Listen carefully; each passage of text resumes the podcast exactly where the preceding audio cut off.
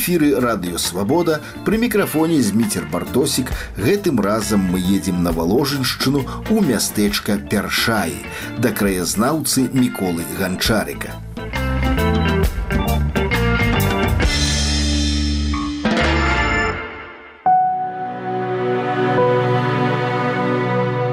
Напэўна, самы шыкоўны інтэр'ер, які я бачыў у беларускай вёсцы, гэта інтэр'ер у доме пяршайскага настаўніка і краязнаўцы міколы ганчарыка. Мармуровыя статуэткі, старое нямецкае піяніна, бронзавыя кандылябры, велізарная люстра ў дубовай разной раме. Хаце ганчарыка можа пазайздросціць любы раённы музей. Спадару міколу ўжо за 90, але ён працягвае працаваць, публікуе ў раённай газеце старадаўнія песні, які пачуў ад маці і заўжды рады гасцям. Это яшчэ за польскім часам. Ці это яшчэ пры расійскай імперіі зроблена. Это да, пры... гэта зеркало не зеркало, быў шкаф. а. а потом, значит, сырость была, так я часть отрезал, это двери покинул и как зеркало. Вот. Слушайте, а это? А это? А это статуэтка? И Российской империи.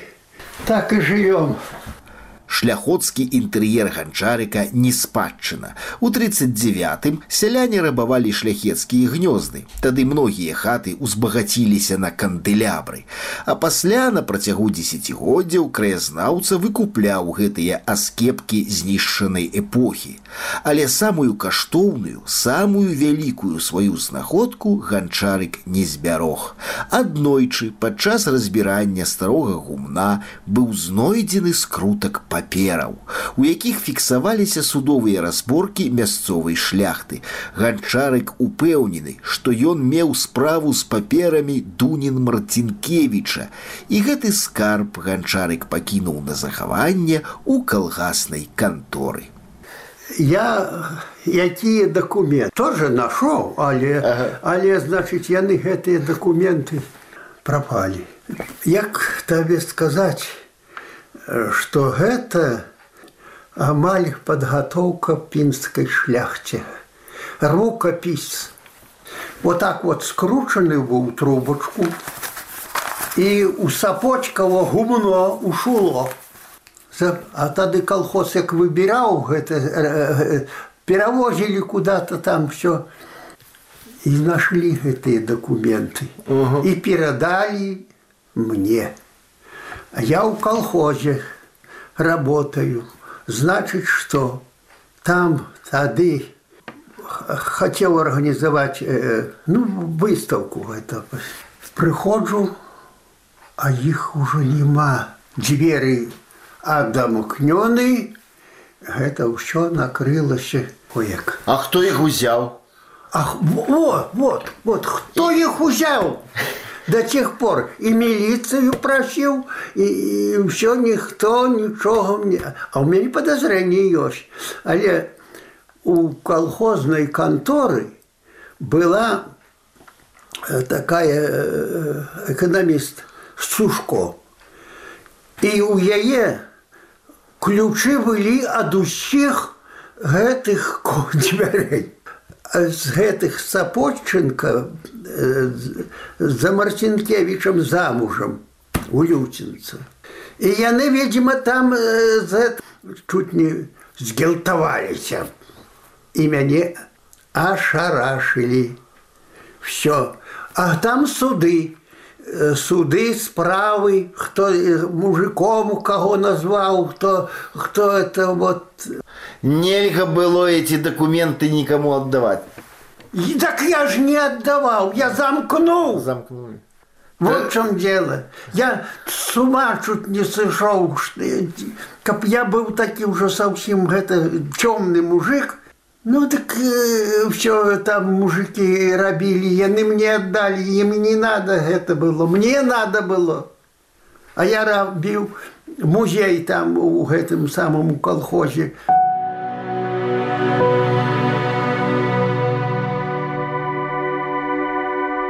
Мікола ганчарык не лічыцца партызанам, ніколі не выступаў на савецкіх уроках патрыятызму, але удзел у вайне ён браў самы непасрэдны. І страшна, і ціха, і так як жылі людзі. Ну тут быў нямецкі гарнізон. Размяшчаўся ён у, у, у графскіх палацах графа Тышкевіча. Часть гэта самая была у ксяндзовай доме, дзе жыў ксёнз, два ксяндзы былі. Потом ім ужо после войны прысвоілі звание святых, яны былі пагібшы ксяндзы, пра якіх кажа ганчарык, Ахілес Пухала і Герман Стэмпень. Яны загінулі 19 ліпеня 43 -го году. Падчас адной з карных аперацый гэтыя святары не здолелі адседжвацца ў баку ад пакутаў сваёй паствы і прынялі смерць ад немцаў. У 99 годзе Ян Павал II абвясціў іх блаславёнымі. Іх мошчы захоўваюцца ў першайскім касцёле. Але самае неверагоднае, што тая партызанская акцыя, якая і прывяла ксяндзоў на расправу, пачалася з майго суразмоўцы. Во время войны на нашем хуторе, где я жил, Дорский сельсовет, э, Нестовщина называлась хутор за стенок. Партизаны с первых дней были на нашем хуторе. Что робится у першай ніхто не ведае. Мяне паслалі ў разведку, я хадзіў у разведку, не як хадзіў. Спачатку, значыць, вазілі немцам малако. А там, дзе была першы будынак школы, быў размешчаны малаказавод. Кавылку запрэглі, гнетку, і я сюды з бетонамі малака упершаю сказано мне было нигде ничего, ни, ни подозрений, чтоб я не но все должно было проследить. Молоко сдал, а немцы были очень пунктуальные. Ты сдал, и, и тебе надо сейчас же оплатить. Я с бетонами подъезжаю почти на центр э, Першай. Э, э, в очередь люди сдавали молоко, Немцы не спешались, аккуратно все записывали. А я вдоль улицы шлоп, шлоп, шлоп, шлоп. И прошел по... Была траншея выкопана. По этой траншее немцы и полицаи ходили до костела, до своих э, гмины этой здания. Я вверх поднимаюсь. Ага, то, и что мне надо. На вежах костела были установлены пулеметы. Ага. Я пришел, получил гэные гроши, которые оккупационные ничего не стоили, понимаете, абсолютно. Собираюсь отъезжать на мой воз. Немец и, и полицаи. И мы едем до вас. Это я везу домой смерть. А я знаю, что у каждым заборы пулемет стоял партизанский. Все блохи и воши, которые у меня были, все подохли. И там от страху. Жарты вязу домой смерть. Полицеи с немцами гуторки не имели, абсолютно. Шах подъезжает деревня Романовщина. Приехали, яны соскочили с воза и пошли молотить Дорского батюшки э, зерно.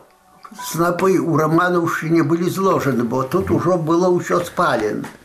А яны соскочили, пошли молотить все солнце засвяціла приехал рассказал это все тады был разведывательный отряд мягков анатолий и он после войны был артистом Великого театра в Москве, пел.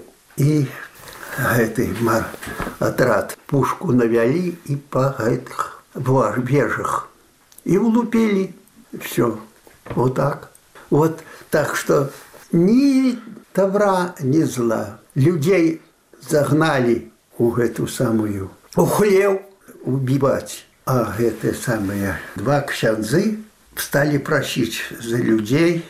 Кое-хто пачалі мужчыны уцякаць пастралялі.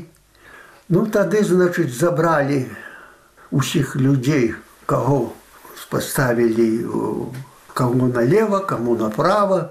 Вот часть маладых здаровых жанчын, подлеткаў і за мінск тюрьма сказать работали яны там ўсё а старых дзяцей собрали со ўсей вёскі і павезлі у следующую дзярэўню баравікоўшчына.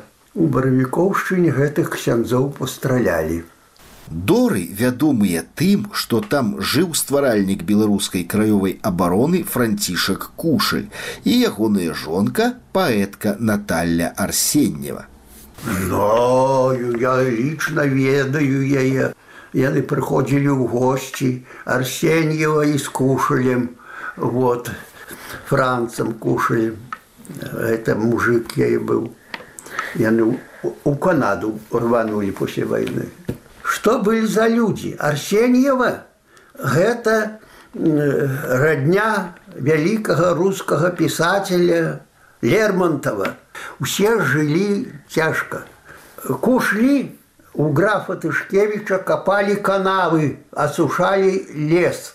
Тады гэты сабе сабралі грошы там яны купілі у гэты маёнтак доры. Старэйшыя на сельскім хозяйстве работалі, а гэты самы а гэты вучыўся Франц кушаль.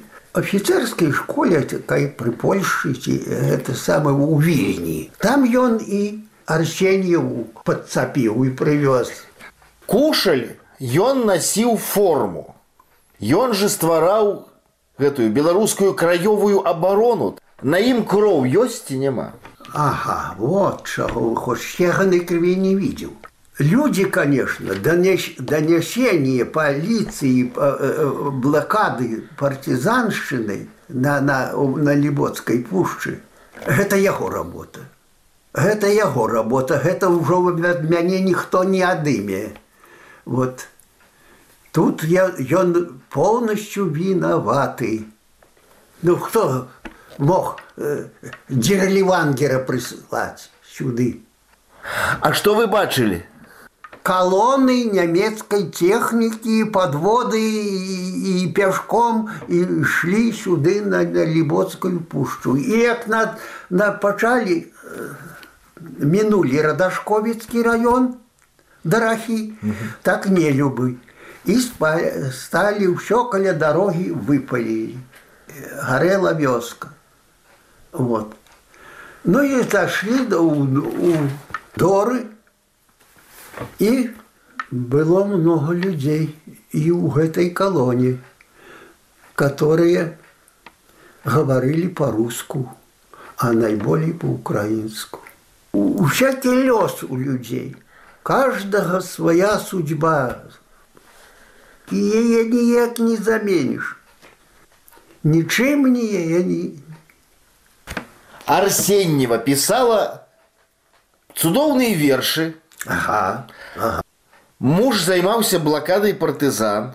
Як гэта все сумесціць? Это Беларусь. Жывучы паміж двума монстрамі, то ўсяго хватило. У меня уже, знаете что, лягу, засну и спать не могу. Не могу, я все это у меня вот крутится в голове, все. У эфіры радыёвабода мы з вами наведаліся ў мястэчка першаі. З вами быў зміцер бартосік да новай сустрэчы праз тыдзень.